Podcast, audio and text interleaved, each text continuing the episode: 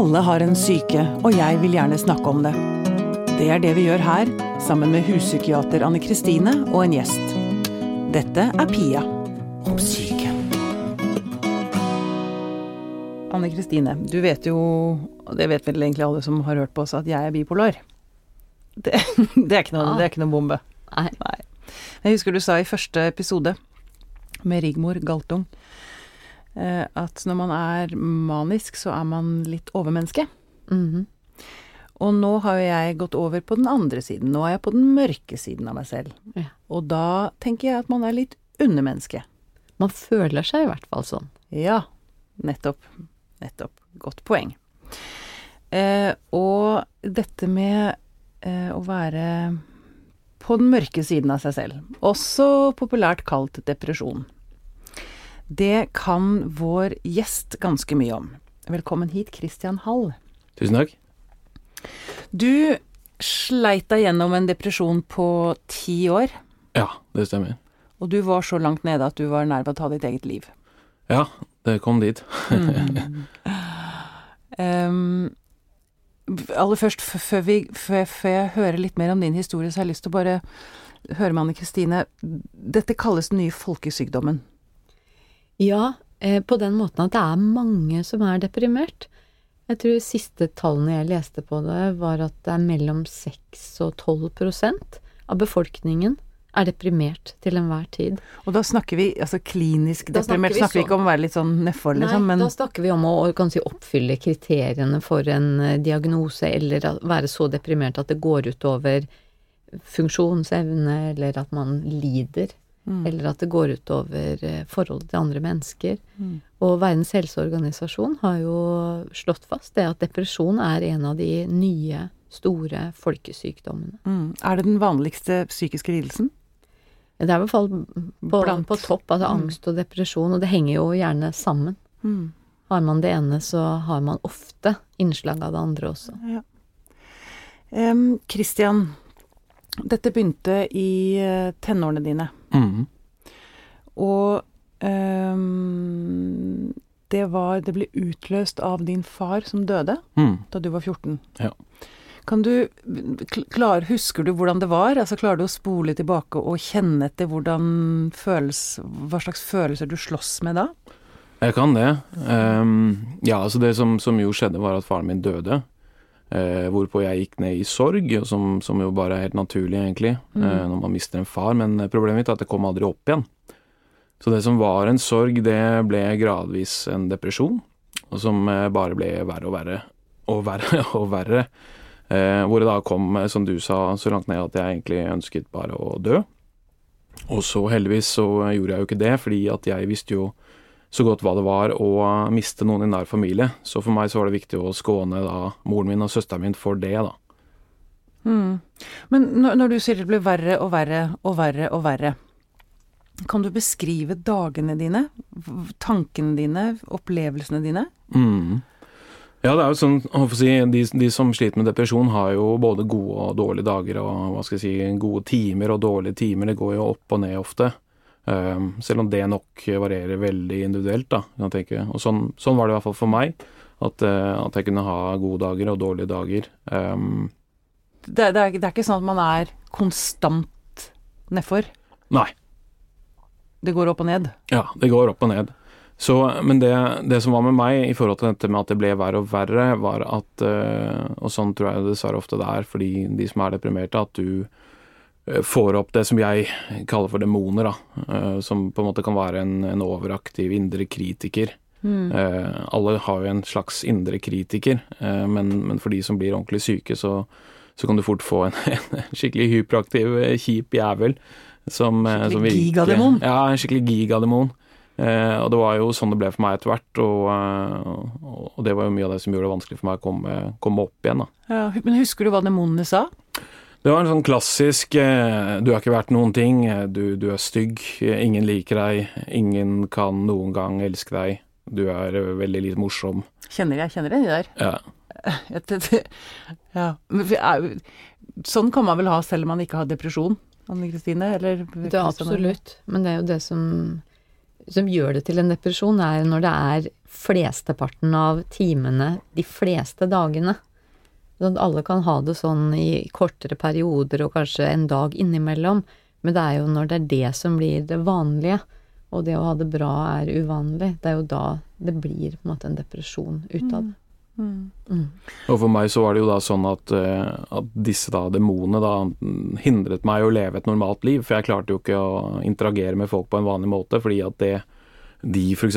sa til meg, som fra deres side var helt uskyldig ment, ble jo tolket uh, i en helt sprø måte i hodet mitt. Som hva da, eksempel? Nei, altså Det kan være så enkelt som at du spør noen om skal vi finne på noe i morgen, og så sier de at uh, beklager, jeg kan ikke. Og så blir det, som er en helt vanlig tilbakemelding, tolket som at uh, Avvisning! Ja, total avvisning. Du er ubrukelig! Ja, ja. jeg kjenner igjen det òg. Ja. Det er uh Det er fryktelig slitsomt å ha det sånn. Mm, Det blir ganske tungt. det blir veldig det. Men du studerte? Ja. Uh, og det er sikkert heller ikke så lett når man uh, slåss med sånne ting. Nei, det var ikke det. Jeg var så svimmel på dagen at jeg kunne bare konsentrere meg om kvelden og natta, så det ble litt sånn oh, ja. sprø døgnrytme òg. ja. Men det gikk på et vis, da. Ja. Så du klarte å kar karre deg gjennom, Mm. men det var en uh, det var- er ti år, ti år sånn. Det er, det er lenge, altså. Er slitsomt. Men hva var det som gjorde at eh, du begynte å ta tak i det? For det, det gikk hvor, hvor mange år tok det før du begynte å liksom altså, Jeg holdt på å si anerkjente at du var led av en depresjon, da? Jeg tror at jeg innså det kanskje først når jeg begynte å studere. Eh, Så jeg gikk da gjennom ungdomsskolen, videregående og militæret, som jeg tror var kanskje bunnåret for meg. Militæret. Ja. Mm. Eh, og så, når jeg begynte på universitetet, så forsto jeg etter hvert hva dette var for noe. At, eh, at det ikke går over nødvendigvis av seg selv, men at jeg trengte hjelp. Og det var da jeg begynte i terapi, da. Ja. Men det satt litt langt inne, så vidt jeg har jeg lest et eller annet sted, om det var i boka di, eller Ja, det stemmer. mm. Eh, moren og søsteren min måtte jo mase på meg i årevis for at jeg skulle ta det steget, da. ja. Hvorfor sitter det så langt inne? Hvorfor satt det så langt inne, tror du? Jeg tror jeg ikke trodde at det var noe som kunne hjelpe. At det var håpløst og umulig å gjøre noe med, og at det egentlig bare ville bli verre og verre. Da. Ja. Men jeg lurer også litt på om man Jeg kjenner på meg selv at det også innimellom kan være litt sånn at man dyrker depresjonen. Anne Kristine? At det, altså, liksom, man blir nesten litt forelsket i den. Eller, Mm. det, er, det er noe, eller kanskje det er noe trygt i den.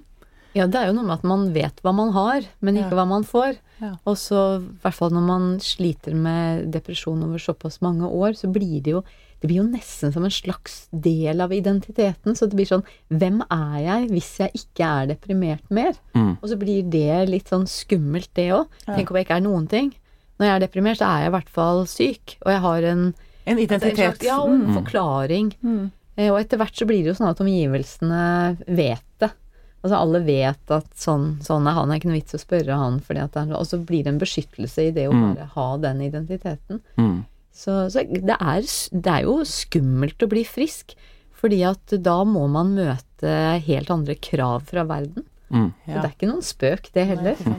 Og så lurer jeg også på om det er en eller annen beskyttelse i å være deprimert fordi Eller um, det er litt sånn syke tankemønstre her, uh, men at uh, hvis jeg er glad og fornøyd og føler meg vakker, og, så er man mye uh, Det er lettere å angripe en, på en eller annen måte. Skjønner du hva jeg mener? At hvis du er deprimert, så kan du ikke bli angrepet. Du nikker, Christian. Kjenner du igjen det? Ja, jeg kan, jeg kan se den, altså, hvor du på en måte Du ligger så nede i bånn at det er liksom bare bring it on, altså. ja. ja, da kan du liksom ikke Da kommer du ikke lavere, så er du i hvert fall trygg. Ja, ikke liksom sant. som å sitte på gulvet, fordi Ja. da kan du ikke falle på en eller annen måte. Det er i hvert fall kjent. Ja, ikke sant? Ja. Ja, og hvis du allerede da har annonsert for deg sjøl og for verden at du er slem, dum og stygg og Ikke sant? Nettopp. så er det jo egentlig ingen som kan skade deg. Nettopp. Mm. At det blir et forsvar i For jeg mener jeg hørte en eller annen gang at eh, den, en rotte Du kalte det demon, jeg har kalt det rotte. Mm. Du sitter oppi hodet. Altså hvis du er slem nok mot deg selv, så er det ingen andre som kan være slemmere. Nei. Mm. Ikke sant? Du, har, du har tatt ut potensialet i slemheten selv, da.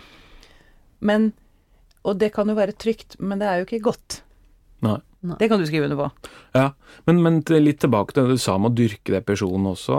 Jeg gjorde det. Jeg kunne ha sånne depresjonsritualer nesten, hvor jeg liksom fant fram til den tristeste jævla musikken du kunne finne. ja, den kjenner jeg igjen. Ja, og så la meg i fosterstilling under dyna, liksom, bare slo av lyset og bare lå der i timevis. Ja. Saken er jo den at det kommer jo til et punkt der man blir så drittlei av seg selv.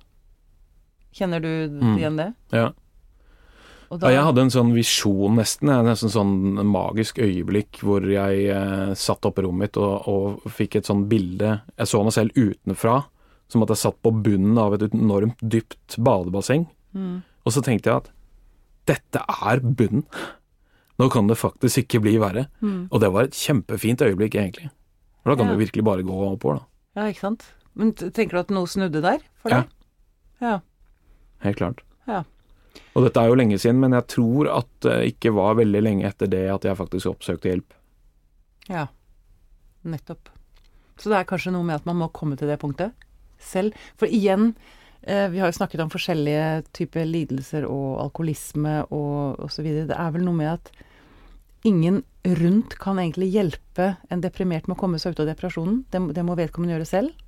Er det Ja, altså, det er nok en kombinasjon, for eh, sånn som vi også har snakket om før, altså vi, vi lever jo ikke i et vakuum. Mm. Sånn at eh, altså andre mennesker angår oss, og vi går, angår andre. Mm. Eh, og det å ha et nettverk, ha noen som bryr seg, altså det er jo en fordel. Men det som er riktig, det er at man kan ikke argumentere noen ut av en depresjon. Altså overbevise noen om at de bør slutte å være deprimert. Det går ikke an. Men det går an å hjelpe, eller hva skal vi si, samarbeide med folk ut av en depresjon gjennom terapi, og noen har jo, altså noen har jo god hjelp av medisiner, noen har god hjelp av fysisk aktivitet, så det er ting man kan gjøre. Men, Men, det er den deprimerte selv som må men- ta det steget. ja, altså, som i hvert fall må si ja. Ja. For du kan jo ikke slepe folk ut på tur i skogen, og du kan ikke tvinge folk til Kan legge deg på en trillebår. Selvfølgelig. Det er sikkert noen som har prøvd det òg. Og det kan faktisk hende at det til og med hjelper. Altså hvis du tar folk på en trillebår og tar dem med på tur ut i skogen, og så vipper dem ut, så må de gå hjem. Ja. Og da får de jo litt dagslys inn i øynene og litt eh, blodgjennomstrømning i kroppen. Så du skal ikke se bort ifra at trillebårterapi kan ha sin plass. Men, men det handler jo om at man må kanskje komme til det punktet hvor man ønsker eh, å få hjelp. Altså ønsker å ta imot hjelp. For du kan ikke tvinge folk til å ta imot hjelp. Nei. Nei. Men du Kristian, da du kom eh, ut av disse ti årene, eller du jobbet da med deg selv i ti år, i både terapi og alene, eller, eller alene gjør man jo alltid i og for seg, men ja, jeg tror den intensive tiden på en måte hvor jeg unnagjorde mesteparten av tilfriskningsarbeidet, var vel kanskje sånn fem år. Um, uh, men, men jeg var da i depresjon i mer enn ti, da. Mm. Spole enda litt mer tilbake, forresten. Um, det ble utløst av uh, din fars dødsfall da du var 14. Mm. Men så vidt jeg skjønner, så ja, ehm, Man blir jo ikke nødvendigvis deprimert fordi man opplever sorg. Nei. For det lå vel mer i barndommen din som gjorde at, eh, at eh, depresjonen utviklet seg? Ja, ehm, det, det gjorde det. Altså, eh, faren min hadde jo sine egne psykiske problemer. Mm, han hadde et stort mørke. Ja, han hadde det. Ehm, så jeg vet ikke hvor mye jeg skal gå inn på akkurat hans historie, men, men helt klart at det var jo en, en type komplisert sorg, da. Eh, og jeg hadde mye som jeg måtte rydde opp i i forhold til mitt, mitt forhold til, eh, til pappa. Ja. For han var jo en enormt snill person, og det var aldri noe sånn vold eller eh, noe av den slags, men det var mye skremmende opplevelser, da. ja, som Nei, altså han, han hadde jo et alkoholproblem, eh, og blant med sine egne depresjoner og angst, så, så var det mye rart som skjedde hjemme, mm, som, som vi opplevde. Så det satte sine spor, da. mm. Så det fikk du også rydde opp i gjennom Ja. terapien? Ja. Mm. Så kom du ut av det, Ja. og så skrev du bok. Mm. Opp fra avgrunnen. Og det første jeg har lyst til å si om den, er at jeg leste at du gikk og la den ut på bussholdeplasser. Hvorfor det? Nei, jeg har et, en genuin tro på at eh, det er mye i den boken som kan hjelpe eh, de som sliter. Mm. Så jeg har en slags misjon da, om å få, eh, få ut budskapet om at det fins hjelp. Det fins ting som, eh, som man kan gjøre selv for å få det betydelig mye bedre. Og det går an å bli, eh, om ikke 100% frisk, så går det an å få det forferdelig mye bedre enn det man har. Ja. Så, så jeg er ikke så veldig opptatt av uh, salg i seg selv, men å få den boka ut til folk er viktig for meg. Ja. Det finnes jo ingen magisk oppskrift Nei. på en, å, å løse, å si, løse en depresjon, kurere en depresjon. Men, for det er ganske mye hardt arbeid, Mm. er vel det jeg tenker når jeg ser i boka di. Mm. Hvis du skulle komme med noen sånne de beste rådene, Mm. hva, hva, er, hva er det viktigste? For jeg hører fra, Nå har vi to eksperter på Mm. depresjon i studio. En fra et faglig synspunkt, og en fra egenopplevd Ja. ståsted. Mm. Hvis dere to nå kan fortelle de deprimerte, meg f.eks. hva, er- hva er det viktigste? Ja, for meg så er det er to dimensjoner som man bør jobbe langs. Og det ene er hva du gjør. Fordi at det er jo sånn at det finnes aktiviteter, og det finnes mennesker som, som enten drar deg opp og gir deg energi og gjør deg glad. Og så finnes det aktiviteter, og også mennesker dessverre, som drar deg ned systematisk. Så det å være litt detektiv i eget liv og finne ut hvilke ting og aktiviteter og hvilke mennesker er det som gjør meg gladere, og hva er det motsatte, og så velge litt smart. eh, trene, mm. være i naturen, være sammen med glade mennesker, være sammen med dyr. Eh, alle sånne ting er jo ting som hjelper. Men i og med at eh, man er så forskjellig, så må man finne ut hva som hjelper akkurat meg. Så det er, det er den ene dimensjonen for meg. Kartlegge litt, rett og slett. Hva, Ja. Kjenne etter hva man selv Ja. har godt av. Ja, velge litt smart på både aktiviteter og, og mennesker. Da. Og så glemme det der å være flink Jeg vet du nevnte det også i boka, burter. Jeg Mm. burde være sammen med de menneskene, fordi nå har jeg ikke vært sammen med dem på lenge. Men Ja. hvis man ikke har det bra sammen med dem, Mm. så må det være lov å velge dem bort. Må være litt egoistisk, rett og slett, i den perioden eh, hvor det er mest kritisk for å bli frisk. Da. Prioritere seg selv og, og sørge for at man gjør de tingene som, som fungerer, og som gjør en friskere. Så den, den andre dimensjonen, eh, og igjen det vil jo variere i hvilken grad folk har disse demonene som vi har snakket om, men i hvert fall når du har mye av det, så handler det om å jobbe med hvordan du tenker. Fordi at eh, du kan si at forskjellen kanskje på de som er friske og de som er syke, er hvorvidt man tenker seg glad eh, og aktiv, eller man tenker seg ned. Og det er klart at hvis du går rundt og tenker at jeg er ikke verdt noen ting, jeg er udugelig, jeg er stygg, jeg er feit, osv., så, videre, så er det veldig vanskelig å være glad. Men heldigvis så kan man trene måten man tenker på gjennom f.eks. kognitiv eh, atferdsterapi, eh, sånn at du blir mer og mer kvitt den slags type eh, demoner. Da. Ja, og jeg tenker at det første der må være jeg, De gangene jeg klarer å være bevisst på mine egne tanker Det er jo utrolig mange tanker man har i hodet i løpet av en dag. Og når, man begynner, når jeg begynner å legge merke til å lytte til hva stemmene forteller meg, det er ganske skremmende. Mm. Hvor, min, hvor mye jævelskap jeg driver og forteller meg sjøl. Dere nikker begge to. Ja, og en av de tingene man kan lære, det er at man kan faktisk ikke stole på tankene sine. Mm. For de fleste tror at siden jeg har tenkt det, så er det sant. Mm. Men det stemmer jo ikke i det hele tatt. Altså Man kan jo tenke hva som helst, og det blir ikke sant for det. Så ofte i den type terapi som du beskriver, så, så er det jo det der å ufarliggjøre tanker, plukke dem litt fra hverandre, finne ut eh, Er det sånn? Eller altså ta tanken opp og de undersøke er det, er det sånn, eller kan det hende at man kan bytte ut den tanken med en annen tanke? Altså at man ikke er så redd for tankene sine. For um, det jo, kan jo være morsomt av og til, um, jeg gjør det bare altså, i egnede forsamlinger, så kan jeg jo illustrere det og si at tanker er ikke farlige. Og så blir folk litt sånn ja, nei da, de vet jo det. Og så sier jeg at nå kan jeg stå her, og så kan jeg tenke så hardt jeg bare kan på at jeg ønsker at alle dere skal dø. Og da blir folk litt sånn Bleke. i ansiktet. Bleke om det, men, jeg bare, Men så sier jeg skjedde det noe? Nei. Nei. Tanken min er ikke farlig. Og, og man bare rett og slett gå litt sånn konkret til verks, og også samme med følelser. Altså en følelse er ikke sann. Det er en følelse. Og det vi også vet mye om Hva er egentlig sant da? Kanskje det ikke er egentlig noe som er måte, sant og ikke sant, men det blir litt hva du gjør med det.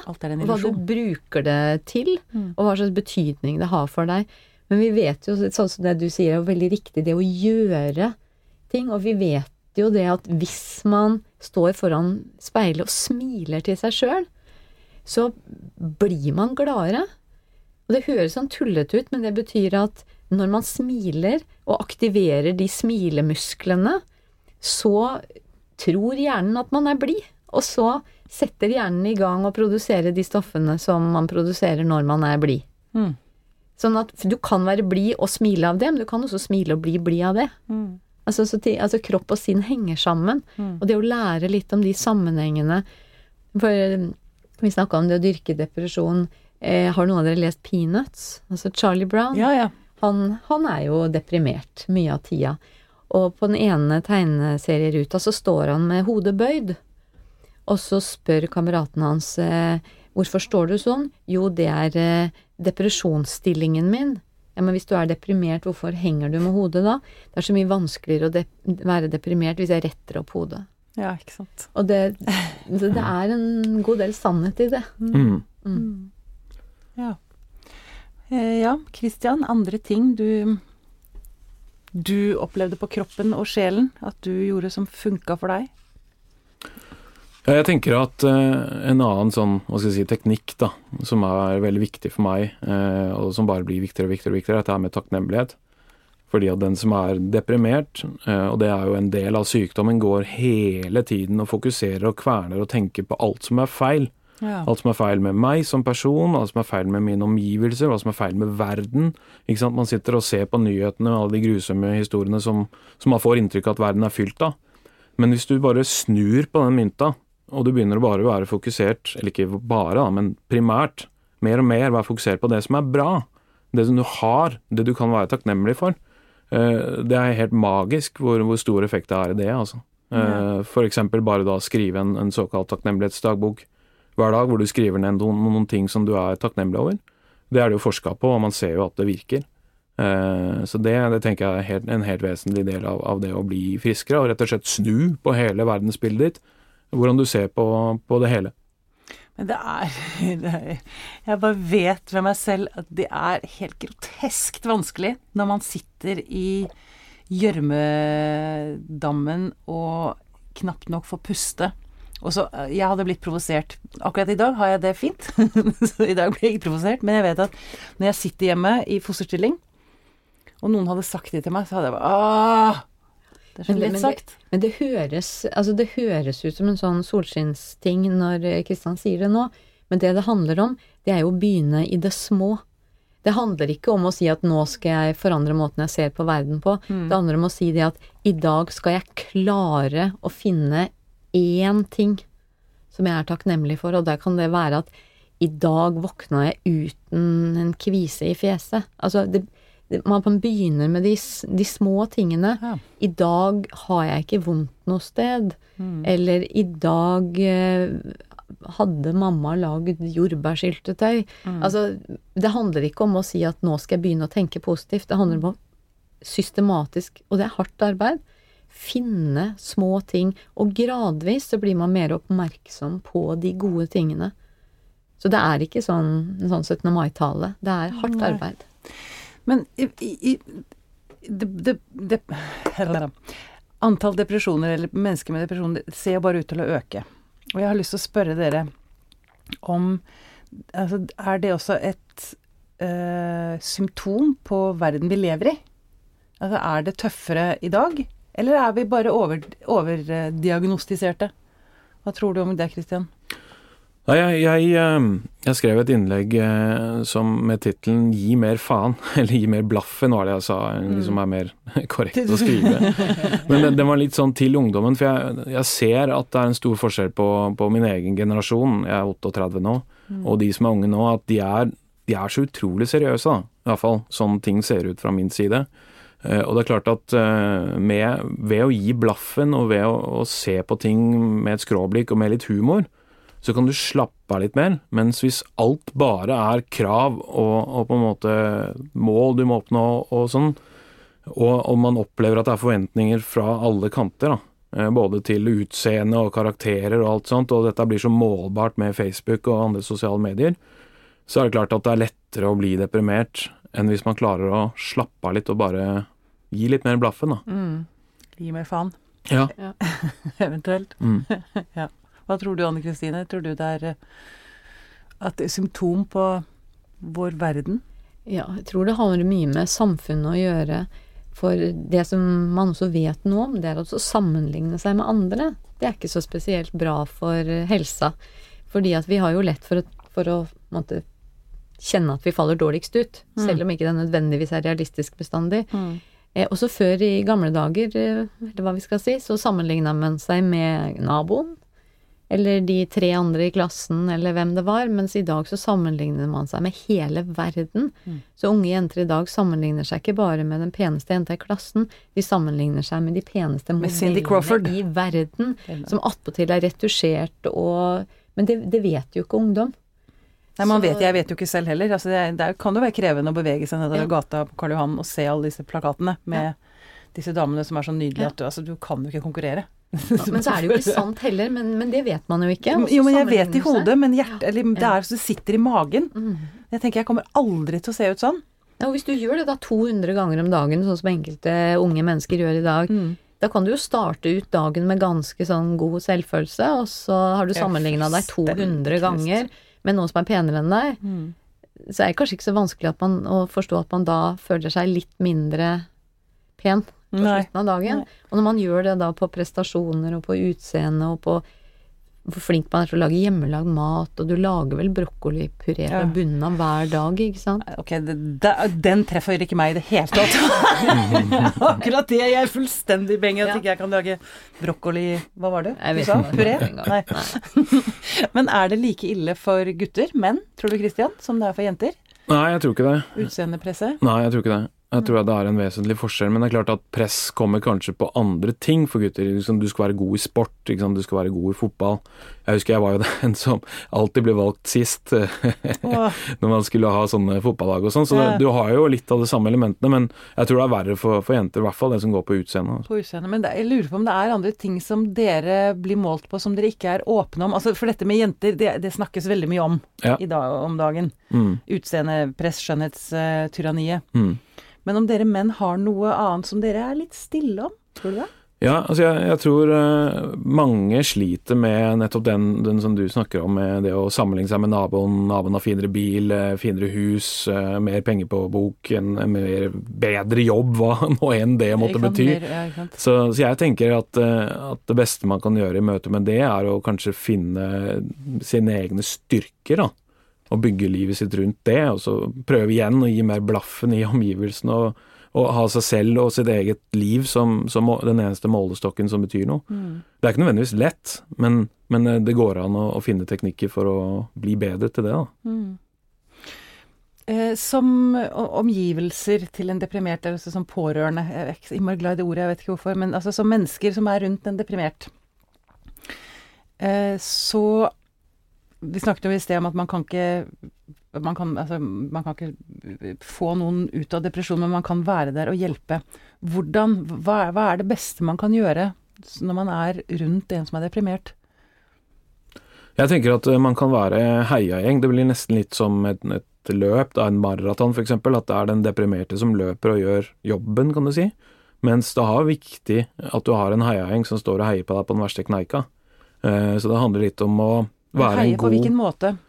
Ja, det er flere ting vi kan gjøre. Jeg tenker Det første er å være en litt sånn veiviser og peke på Skal vi ikke kanskje gjøre det i dag? Fordi man vet at den tingen, den aktiviteten, produserer gode følelser. da.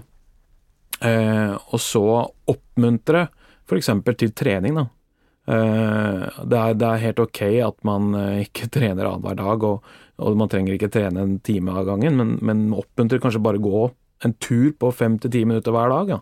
Sånne små ting tror jeg er viktig. Mm. Mm. Andre ting du Ja, tenker så handler det mye om å rett og slett altså, tåle å holde ut. Fordi at når man er pårørende til noen som er deprimert over lang tid, så er det fristende å bli litt sånn utålmodig på den som er syk sine vegne. Og det er ikke så særlig til hjelp. Liksom åh, er du ikke ferdig Ja, enda? ja, ikke sant. Ja, Kom deg ut nå. du, ja, det Mm. er så lett å bli sånn nei, ta deg sammen. Men, like, men altså, man ville jo ikke sagt det til eh, noen med kreft, at vet du, nå må du bare slutte, nå må du ta deg sammen. Og det er, altså depresjon er en like reell sykdom.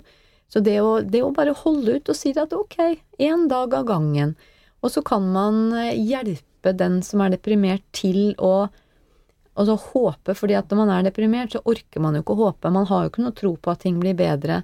Så det å være pårørende, da, og kunne si det at jeg vet du har det ille nå, men det kommer til å bli bedre. så behøver man ikke finne på så mange argumenter, men holde fast på det. Det kommer til å bli bedre, og jeg er her sammen med deg så lang tid som det tar. Det er noe der, um, Elling sa det. Elling til eh, Ingvar Ambjørnsen. Allting går over. Allting går over i noe annet. Den, den setningen har hjulpet meg en del ganger. Mm. Det er ikke konstant det du er i nå. Jeg, husker, jeg fikk forresten et spørsmål fra en lytter Mm. angående dette med depresjon. Hun lurte på hvis du er redd for at noen i dine omgivelser er deprimert, altså at noen forsvinner litt fra, f- fra verden, liksom. Hvordan, hva gjør man med det? Kan man invadere noen? Skjønner du hva jeg mener? Altså er det Bør man invadere noen som man er redd for lukker seg inne i sin isolasjon? Jeg tenker at eh, det kan være man skal gå ett skritt lenger enn man ville gjort med en som ikke var syk. Da. Eksempel hvis man spør skal du være med og spille fotball, og du ofte får liksom et sånn nei, jeg orker ikke, osv., så, videre, så kan man kanskje insistere litt mer når det gjelder en som man mistenker er syk, enn man ville gjort med en, en, en vanlig person. Og Istedenfor å spørre sånn eh, Vil du være med på fotball, så er det sånn Du, vi skal spille fotball i dag. Jeg henter deg klokka sju. Ja, ja, ikke sant. Gjøre det enkelt og Mm. Ja, gjør, gjøre det enklere og bygge ned tersklene, men Og det som jeg er opptatt av å si til pårørende, det er at altså, andre folk må ta ansvar for sin egen bekymring. Så istedenfor at jeg går til deg og sier at du ser så deprimert ut, er du deprimert, så kan jeg jo heller si at vet du, jeg kjenner at jeg bekymrer meg litt for deg. mm. Sånn at, for da kan jo du si at å, det er det ingen grunn til, eller så kan du si å, Ja, ja. Det har Altså, jaggu ja, grunn til. Men altså, det, går å, det går an å åpne opp litt for istedenfor å komme sånn med pekefingeren og, og være litt sånn anklagende, eller som du sier, invaderende, så kan man være litt inviterende. Og, og, og si det at vet du, jeg har gått og tenkt på at jeg syns at du ser tristere ut enn før, og du er mindre med. Kan hende jeg tar feil, men kan hende jeg har rett òg. Mm. Og så må jeg bare sjekke det ut med deg. Mm. Men uh, i dag, Kristian, har, merker du er, er du fortsatt redd for at depresjonen skal sige inn, eller tenker du det, du opplever deg selv som helt frisk? Ja, jeg opplever meg som, som helt frisk. Men det er klart, jeg har jo også dårlige dager, som, som alle andre mennesker har. Uh, og jeg, jeg kan jo få Jeg kan jo merke at de samme demonene kommer snikende opp og skal ha et eller annet de skal si til meg. Eh, men jeg har såpass mange forsvarsverk, da, at eh, de når Mm. Du, du ikke har helt inn. du endra tankemønstrene såpass ofte at du vet Ja, jeg kan gjenkjenne dem for hva de er. Mm. Eh, og dermed er jeg ikke redd for dem lenger. Så kan de hyle og skrike alt de vil, holdt jeg på å si. Du kan bare sitte der og hyle for deg Ja, ja, ja. Det funker, det, altså. Der var du igjen, ja. Ja, ja, ja. Ok. Har vi et siste råd til enten en som sitter og hører på, som er eh, som slåss med dette, og som ikke vet hvordan han eller hun skal komme seg gjennom dagen? Eller til pårørende, eller mennesker som er rundt noen som har det sånn? Noe siste vi har lyst til å si? Ja, jeg tenker at, at eh, å, å tro og håpe på at det går an å bli frisk, i hvert fall å bli betydelig mye bedre, og så innse at eh, det går ikke over seg selv over natta. Jeg, jeg tror at hvis det er en sykdom som har tatt årevis på å sette seg, så vil den sannsynligvis ta årevis med å bli kvitt den også. Eh, og, og så tenker jeg at det vil, i en tilfriskningsprosess, så vil det være tilbakeslag eh, hvor du går ned igjen. Men hvis man er forberedt på det, så blir det jo ikke så skummelt. Og hvis man kanskje til og med har en strategi for de dårligste dagene, hvordan du vet hva du skal gjøre da, så er det heller ikke så skummelt. Og så kan du bare fortsette på en måte jobbe, kanskje det er terapi, og jobbe, altså trene, ikke sant, gjøre noen små teknikker, trene seg til å bli, eh, tenke bedre osv. Og, så og så vil det bli bedre. Det er håp. Det er håp. Det er en god tone å slutte på. Tusen takk for at du kom, Christian Hall. Tusen takk selv. Denne podkasten er produsert av Tid og Lyst.